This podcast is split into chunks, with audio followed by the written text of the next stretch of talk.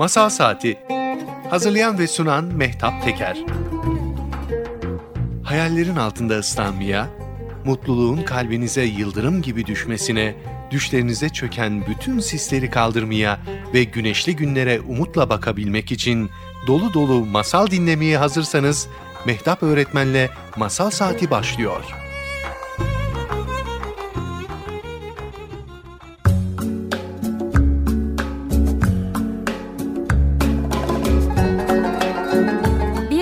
Varmış, bir yokmuş. Bir karış öte bir ülkede bir garip işler varmış. Filler yokluktan, karıncalar tokluktan oynarmış. Çözmek için bu gizi göze aldım yazı kışı. Vardım varana, sordum sorana. Dedi biri yükün ne? Dedim sözümdür. Dedi yetmez, dahası? Dedim düşümdür. Dedi yolun nereye? Dedim uzundur. Dedi yoksa kaftığı mı? Dedim masaldır. Dedi beni de götürsene. Dedim gir bakalım heybeme. Yedik içtik gezdik geldik ta buralara. Gördüklerimizi anlatacağız elbet ama önce diyelim masal dostlarına bir merhaba.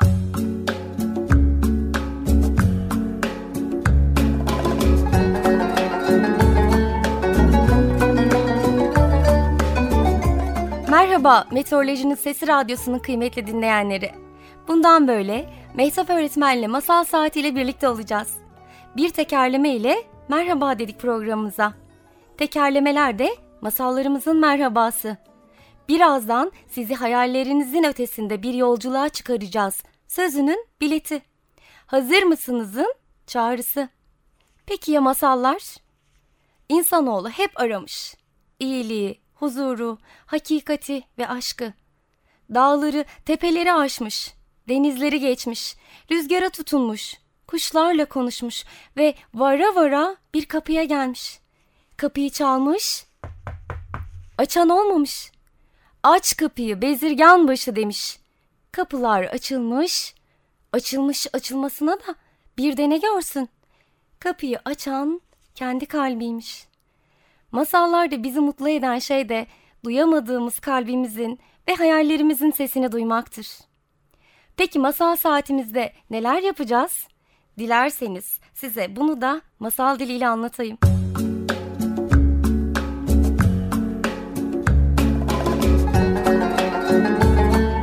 Çok eski zamanlara gidip çok sonra dinlenirsin diye masalları anlatacağız. Öyle uçakla, trenle değil kuşların kanadında yolculuk edeceğiz. Yorulup dinlenirken bir ırmağın kenarında balıklarla sohbet edeceğiz.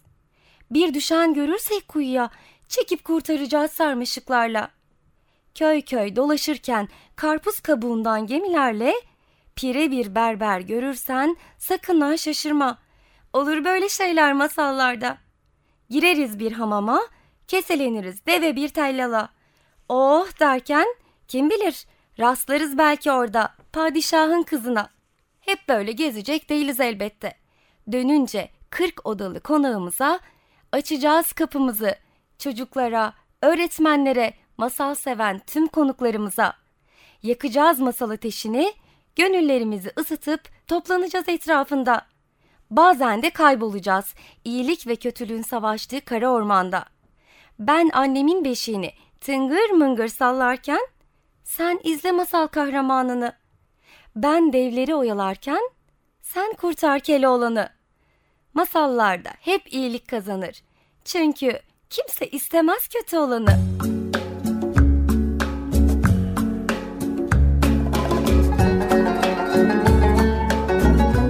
İlk programımızla masal ateşimizi yaktık ve yavaş yavaş etrafında toplanmaya başlıyoruz. Programımıza katılarak ateşimize odun atan çok kıymetli konuklarımız, dostlarımız olacak ve ben ilkiyle sizleri hemen tanıştırmak istiyorum. İlk programımızda bizimle olmasını çok istediğim özel bir konuğumuz var. Ankara Hacı Bayram Veli Üniversitesi Türk Halk Bilimi Bölümü öğretim üyesi, aynı zamanda UNESCO Türkiye Milli Komisyonu, Somut Olmayan Kültürel Miras İhtisas Komisyonu üyesi ve UNESCO ile Milli Eğitim Bakanlığı'nın ortak çalışması olan Anadolu Masalları Projesi'nin akademik koordinatörü Sayın Doçent Doktor Evrim Ölçer Özünel bizimle birlikte. Merhabalar Evrim Hocam, hoş geldiniz yayınımıza. Merhaba Mehtapçığım, nasılsın? İyiyim, çok ne teşekkür kadar ederim. güzel sizinle olmak. Bizler için de öyle. İlk programımızda sizin olması benim için programın ışığı, bereketi olacak. Ee, Bunu söylemeden geçemeyeceğim. Ee, Öncelikle beni kırmadığınız için ve katıldığınız için çok teşekkür ediyorum Evrim Hocam. Ben teşekkür ediyorum gerçekten. İnşallah çok güzel, aydınlatıcı bir program olur ve yolun açık olsun diyorum Mehtapçığım sana. Çok teşekkür ederim Evrim Hocam. Evrim Hocam şöyle başlayalım. Akademik olarak uzun yıllar Türkiye'de ve e, yurt dışında uygulamalı halk bilimi ve masallar üzerine değerli çalışmalarınız oldu. Ama biz sizi Anadolu Masalları projesiyle tanıdık. İyi ki de tanıdık. Çok sevdik. Gülüşünüzle ısındık. Somut olmayan kültürel mirasın korunmasında ve gelecek kuşaklara aktarılmasında bu proje ile öğretmenlerimize çok da anlamlı bir rol verildi. Bir öğretmen olarak sorumluluğunu ve keyfini benim de yaşadığım bu projeden dinleyicilerimize biraz bahseder misiniz? Bahsedeyim. Bu proje UNESCO, senin zikrettiğin gibi UNESCO Türkiye Milli Komisyonu ve Milli Eğitim Bakanlığı Öğretmen Yetiştirme Geliştirme Genel Müdürlüğü'nün inisiyatifinde bir proje olarak başladı.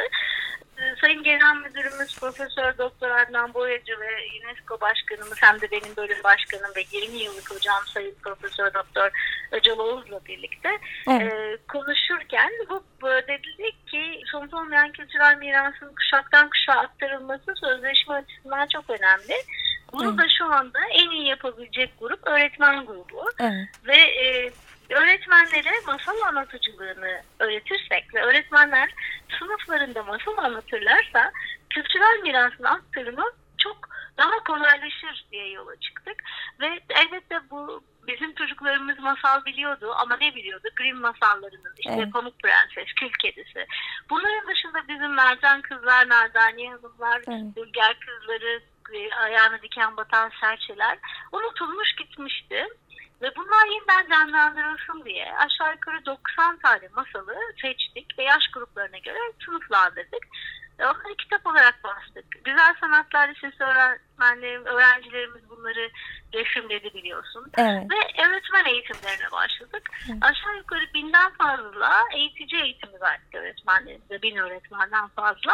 Onun dışında da uzaktan eğitim çalışmalarımız oldu. 250 bine yakın öğretmen de orada eğitim aldı. Biliyorsun masal evlerimiz açılıyor. Evet. Sen de bu hani projenin ilk günlerinden beri hep Evet. birlikteydin.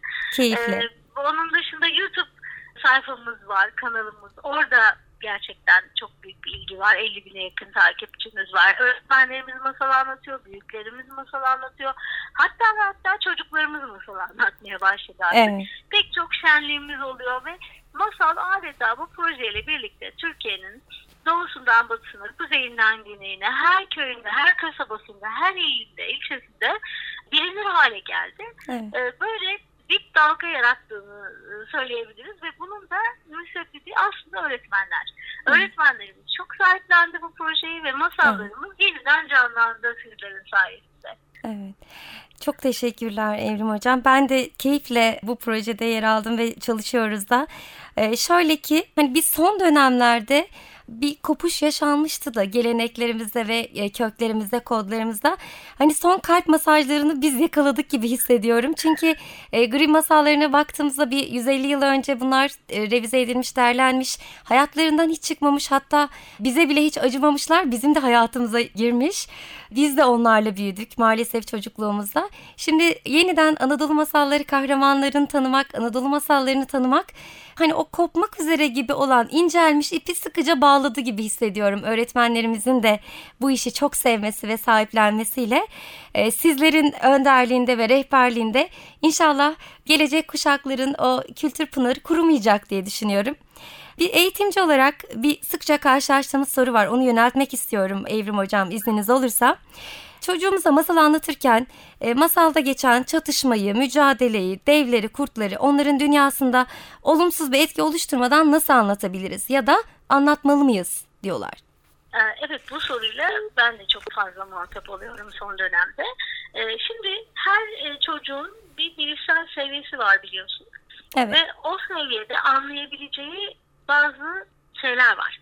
Masallar evet devler var, cüceler var, cinler var, evet. periler var, hmm, yedi başlı ejderhalar var, zindanlar, işkenceler falan ama ben e, hep şunu söylüyorum. Masal bir hep e, iyi sonla bitiyor ve evet. bir mücadeleyi anlatıyor. İki, kahramanın başına bütün kötü şeyler gelse de sonunda iyi bir şey olduğu için bu ona güç veriyor.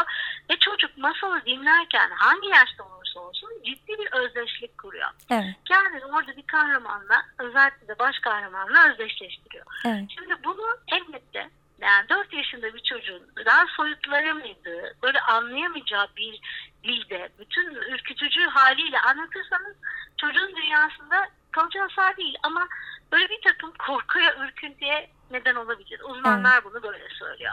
Evet. Ama ve lakin tabii ki bir de televizyona bakalım. Televizyonda zaten çocuklarımız onların her türlüsüyle ya da bilgisayar oyunlarında muhatap. Neyse evet. şimdi o tarafını atalım bir kenara. Masallara dönersek, masalları eğer yaş grubuna göre neyi anlatacağımızı bilirsek hiçbir sorun yok. Evet. Ee, erken çocukluk döneminde, okul öncesi dönemde daha böyle o yüzden hani dostluk, arkadaşlık, hayvanlar, rekabet gibi çocuğun hani gündelik hayatında karşılaşabileceği güçlüklerin sınırları dahilinde evet. bir şeyler anlattığımızda çocuklar korkmuyorlar ve ürkmüyorlar. Ee, ama hani korkacaklar diye de bütün kötülükleri saklarsak bir fanusun içinde yetişiyor bu çocuklar ama hayata atıldıkları anda karşısına dev gibi bir sorun çıkıyor ve onu çözemiyor. Oysa ki masal dinlemiş çocuk o devle nasıl mücadele etmesi gerektiğini biliyor. Evet. Hani bu biraz uzmanlar tarafından çok tartışılmakla birlikte hı hı. yani farklı görüşler var bu konuda. Bana hı. soruyorsan kişisel olarak hı. seviyesine biraz uygun hale getirdikten hı hı. sonra masalı çocuğa her yaşta anlatmak mümkün. Özellikle 3 yaşından sonra zaten senin de bildiğin gibi bizi çok dikkatli dinliyorlar. Evet. Ve her şeyi de açıklar. Ama çocuk da steril bir varlık değil zaten. Yani o da kıskanıyor, onun da duyguları var. Evet. O da kardeşinden mutsuz. Yani o da bir mücadele içinde. Masal da bu mücadeleyi anlatıyor. Fakat işte yaşına göre hangi mücadele ona daha yakınsa onu seçip anlatmak gerekiyor. Evet.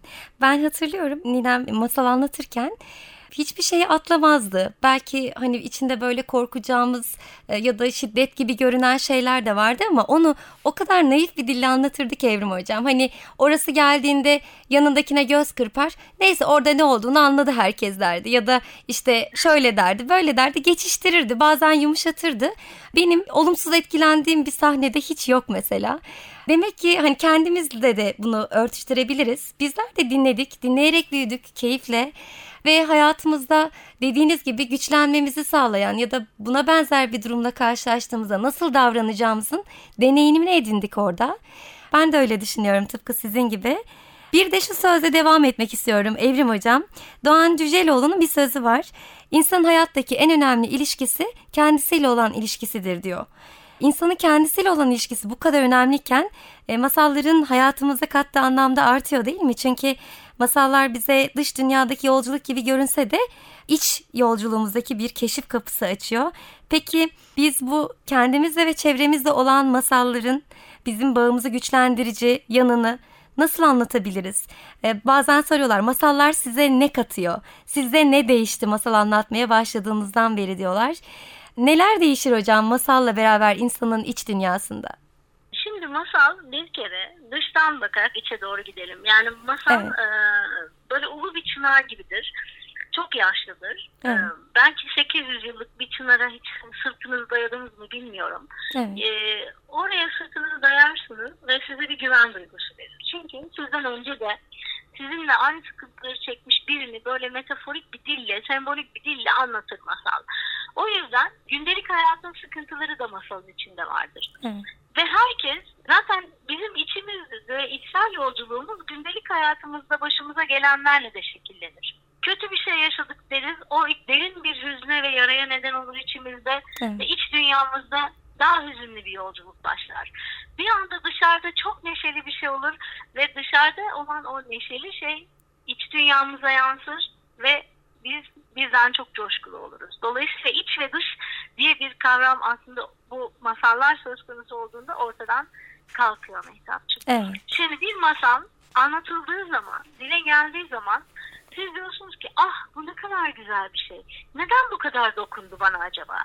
Ben çok rastladım. Masal dinler Doğru. dinlemez ya ağlayan ya gülen ya böyle çocukluğuna giden ya bir anısını hatırlayan evet. ya bir başına okuduğu bir kitaba giden. Yani hep bir şey hatırlatır masal bize. İşte o hatırlattığı noktalar bizim ya eksik olduğumuz yerlerdir ya da dışarıya ifade etmemiz gereken yerler. Oralara bakarak gerçekten e, masal bizim için e, hem içsel hem dışsal bir yolculukta rehber edinebileceğimiz bir şeye dönüşür. Ama bu demek değil ki masalın sihirli bir değneği var ve bir masal dinleyeceğiz ve bütün sorunlarımız evet. Hayır. Sadece masal bizi kendimize yakınlaştırıyor. Çünkü çok fazla deneyim var masalın içinde. Evet. Ve bu deneyim insanlığın ortak deneyimi. Yani benden önce de birileri böyle sıkıntılar yaşamış ya da böyle mutluluklar yaşamış. İşte evet. çocuksuzluk mesela çok fazla vardır. E, hiç çocuğu olmamış bir anda çocuk olunca dünyalarına güneş doğmuş diye masal anlatınca evet yani çocuğumuzu ilk kucağımıza aldığımızdaki o güneşin doğma hissiyle özdeşleşebilir içimizde bir şey. Hani bu tür şeyler çok insani şey yani olağanüstü bir dünyayı anlatıyormuş gibi durur ama çok insani zaafları, neşeleri, mutlulukları, birliktelikleri anlatır masal aslında. Evet. Çok sembolik bir dil. O yüzden de bize böyle bir arkadaş olur. Yani rehber de demek istemiyorum ama arkadaşlığı iyidir masalların bu anlamda. Ee, evet. Ee, insanı kendine döndürür çünkü. Bakarsanız kendinize o ayna gibi durur. Evet. Peki son olarak bir soru daha sormak istiyorum Evrim Hocam. Bu güzel hazineyi hani sandık içine konulmuş ve toprak altına gömülmüş masallar aslında hep vardı. Biz şu son dönemlerde o hazineyi yeniden bulduk. Hayatımıza düştü, gönlümüze düştü. Peki bundan sonra ne önerirsiniz? Masal dinlemeyi sevenlere, masal anlatmayı seven, masal anlatıcısı olan bütün e, herkese son olarak ne diyelim? Bu hazineyi nasıl koruyalım? Şimdi bu hazineyi korumanın en büyük yollarından bir tanesi anlatmak. Evet. Anlatmak ve gündemden düşürmemek. Yani sürekli yani masal aslında 100 yıl önce 50 yıl önce bakarsan ev içi faaliyetlerimizin en önde gideniydi. Yani biz evet. aileydik. Ailede ne olur? Bir araya gelinir hikayeler anlatılırdı. Bir araya gelinir masallar, kıssalar anlatılırdı. İşte biz bu bir araya gelip birbirimize bir şey anlatma kültürü olarak bakmalıyız masallara. Evet. Ve hep canlı tutmalıyız. Zaten yola çıkarken benim en büyük kaygım şuydu. Yani e, 50-60 yıl önce son kez anlatılmış bir araştırmacı bunu derlemiş, kitaba yazmış. 60 yıl öncesini anlatıyor masal. Oysa ki biz biliyoruz ki her anlatıldığında yeniden doğuyor. Her masalın ağzından yeniden başka bir şey oluyor masal. Yaşamıyordu. Yani ona can veren anlatıcılardır. Anlatıcıları teşvik etmek, nasıl olursa olsun onların hevesini kırmadan anlatmaları gerektiğini sürekli söylemek bence iyi bir yol olur masalların yaşaması için. Onlar evet. için yapabileceğimiz tek şey onları canlı tutmak. Onlar kendi yolunu bulur. Evet. Çünkü zaten yüzyıllardır toplumumuzun içinde bir şekilde kendi yollarını buldular. Değil Bugün mi? de çok şükür öğretmenlerimizin ağzından canlanıyor. Ruh katta öğretmenlerimiz masallarımıza. Çocuklarımızla paylaşıyorlar. Ben hani bu proje genelinde arkama dönüp baktığımda şunu görüyorum biz hatırlarsan soruyorduk böyle evet. hiç masal dinlediniz mi diye. Evet. 200 öğretmenden 5 tanesi evet diyordu. Evet. Türk masalı, Anadolu masalına. Şimdi biliyorlar. Yani bugün mesela senin öğrencine ben 10 yıl sonra o üniversiteye gittiğinde sorduğumda diyecek ki evet benim öğretmenim bana anlatıyordu masal. Bize sınıfta çok masal anlatıldı ve ben o yüzden bu kadar işte güzel işler yapıyorum. Bakın hayal dünyam böyle gelişmişti ve çok yenilikçi, girişimci işler yapabildim diyebilecek. Bu çok önemli bir şey. Çünkü evet. masal yenilikçiliği, gelişimi, girişimi, hayal dünyasını zenginleştiren bir tür. Evet. Ben en çok bunu seviyorum. Yani 10 evet. yıl sonrayı görüyorum ve diyecek ki çocuklar evet biz masal, yani o günün gençleri biz masal dinleyerek büyüdük. Bunu hep söyletelim yani. Tek e, arzum bu olur herhalde. Zaten eğitimlerde sizle ilk tanıştığımda sormuştum. Evrim Hocam iyi bir masal anlatıcısı olmak için ne yapmamız gerekiyor? Çok masal anlatacaksın Mehtapçım demiştiniz. O e, hala hayatımda geçerli ve şöyle ki hani bakıldığında o an idrak edemediğimi şu an anlıyorum. Çünkü gerçekten anlattıkça açılan ve çoğalan bir dünyaymış. Bereketlenen bir dünyaymış. Ee, içine girdikçe büyüyormuş. Hani o kapının açılması meselesi o kadar doğru ki kapının azıcık açılmasıyla gördüğünle içine girdikten sonra karşılaştıkların bambaşka bir dünyaymış. Bize kapıyı açtığınız için, şimdi de programımıza katıldığınız için tekrar teşekkür ediyorum Evrim Hocam. Yolunuz açık olsun. Mehtapçım sen de masallarla o, o güzel dilini, o güzel yönleri masallardan eksik etme diyorum. Çok teşekkür ederim. Çok sağ olun. Katıldığınız için tekrar onur duydum Evrim ben Hocam. teşekkür ederim. Ben Ee, teşekkür ediyorum. İyi yayınlar diliyorum size. Teşekkürler. Kendinize çok iyi bakın. Hoşçakalın.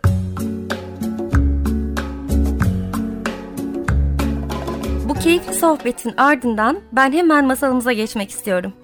Gerçek hayatta olan her şey masallarda gizli bir silüete bürünerek karşımıza çıkıyor.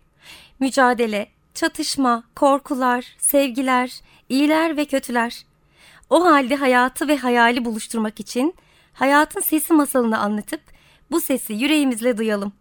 Masalımızdan önce sözlerimi şöyle tamamlamak istiyorum. Masallar bir varmış, bir yokmuş diye başlar ama mutluluk hep var olsun sizin hayat masalınızda.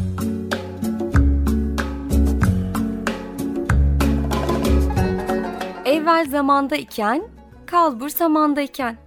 İnsan ne isterse onu sunarmış hayat. Yine de Ademoğlu yaşamda ararmış kabahat. Güzel düşününce her şey güzel olurmuş. Kötü düşünenleri hep kötülük bulurmuş. Kalbini iyi tutan feraha kavuşurmuş. Kalbini kin bağlayan derinden tutuşurmuş. Sözü uzatmayıp masala bağlayalım. Hayat gelip geçerken çok gülüp az ağlayalım. Bir varmış, bir yokmuş. Çok eski zamanlardan birinde o kadar eski ki hani dedelerimizin dedelerinin, onların dedelerinin hatta onların da dedelerinin zamanında kendi halinde bir adamcağız ile iyi yürekli bir kadının üstüne titredikleri bir evlatları varmış. Kadın ve adam oğulları için ellerinden geleni yaparmış ama yine de onu memnun etmeyi başaramazlarmış. Oğlan her şeyde bir kusur bulur, hiçbir şeyi beğenmezmiş.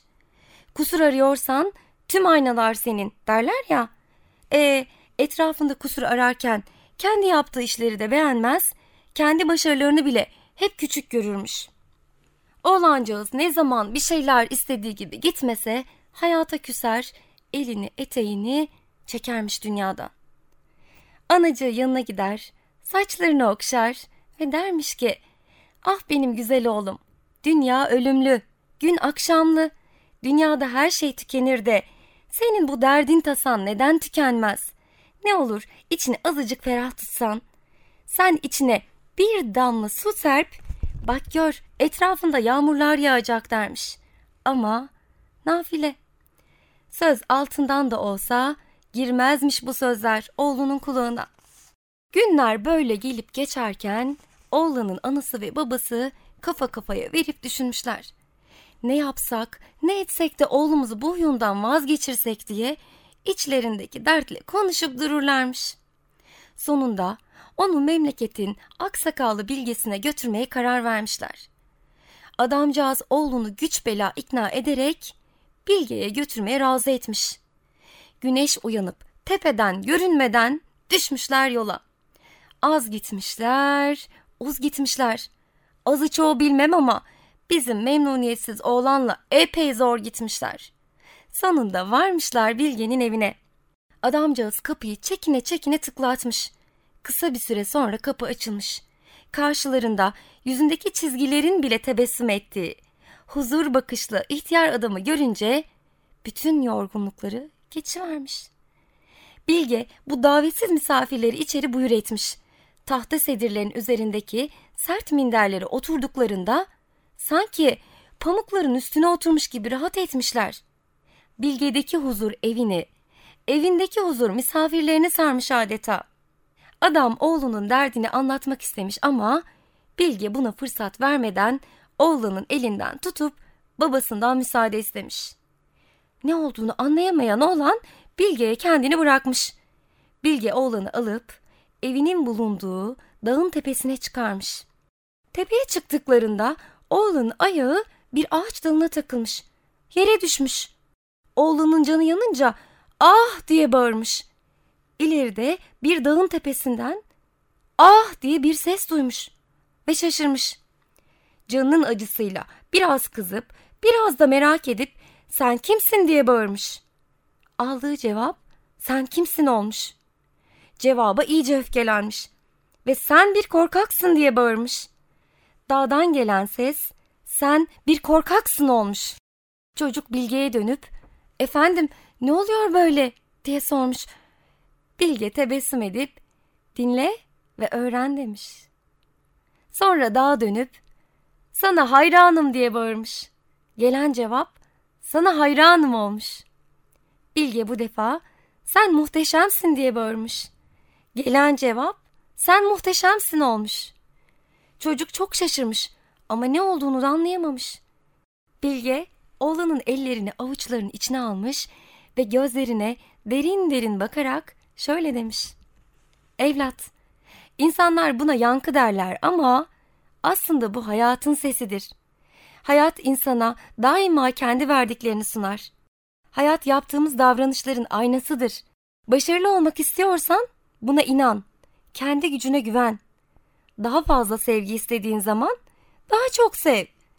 Daha fazla şefkat istediğinde daha şefkatli ol. Saygı istiyorsan insanlara daha çok saygı duy. İnsanların sabırlı olmasını istiyorsan daha sabırlı olmayı öğren. Oğlan Bilge'nin sözlerini dikkatlice dinlemiş. Hayatın yankısını ta kalbinin derinliklerinde hissetmiş. O günden sonra hayattan ne bekliyorsa bunu önce kendi yüreğinde yeşertmeye gayret etmiş. Gökten üç elma düşmüş. Biri anlatana, biri dinleyene, biri de hayatın sesini işitip gönlünü hayata açanlara.